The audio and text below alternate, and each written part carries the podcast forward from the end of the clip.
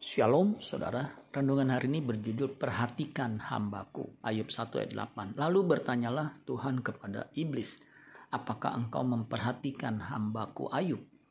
Sebab tiada seorang pun di bumi seperti dia, yang demikian saleh dan jujur, yang takut akan Allah dan menjauhi kejahatan. Allah menyebut Ayub sebagai hambanya. Allah bangga memiliki hamba seperti Ayub karena memang Ayub memiliki kualifikasi hamba yang baik. Ayub 1 ayat 1. Ada seorang laki-laki di tanah Us bernama Ayub. Orang itu saleh dan jujur.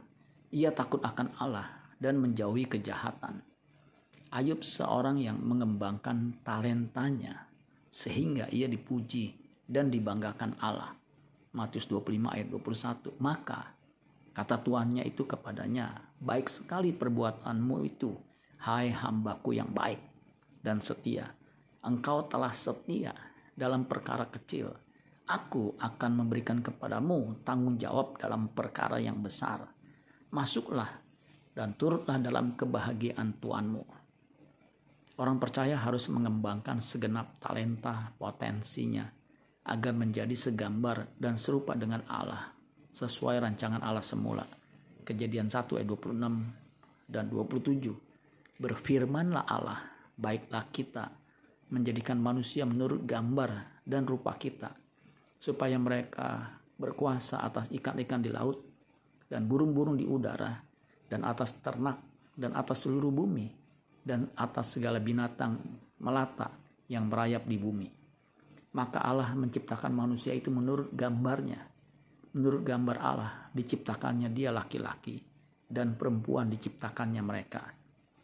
Kristus adalah model sempurna gambar dan wujud Allah. Ibrani 1 ayat 3. Ia adalah cahaya kemuliaan Allah dan gambar wujud Allah. Dan menopang segala yang ada dengan firman-Nya yang penuh kekuasaan. Dan setelah ia selesai mengadakan penyucian dosa, ia duduk di sebelah kanan yang maha besar, di tempat yang maha, di tempat yang tinggi.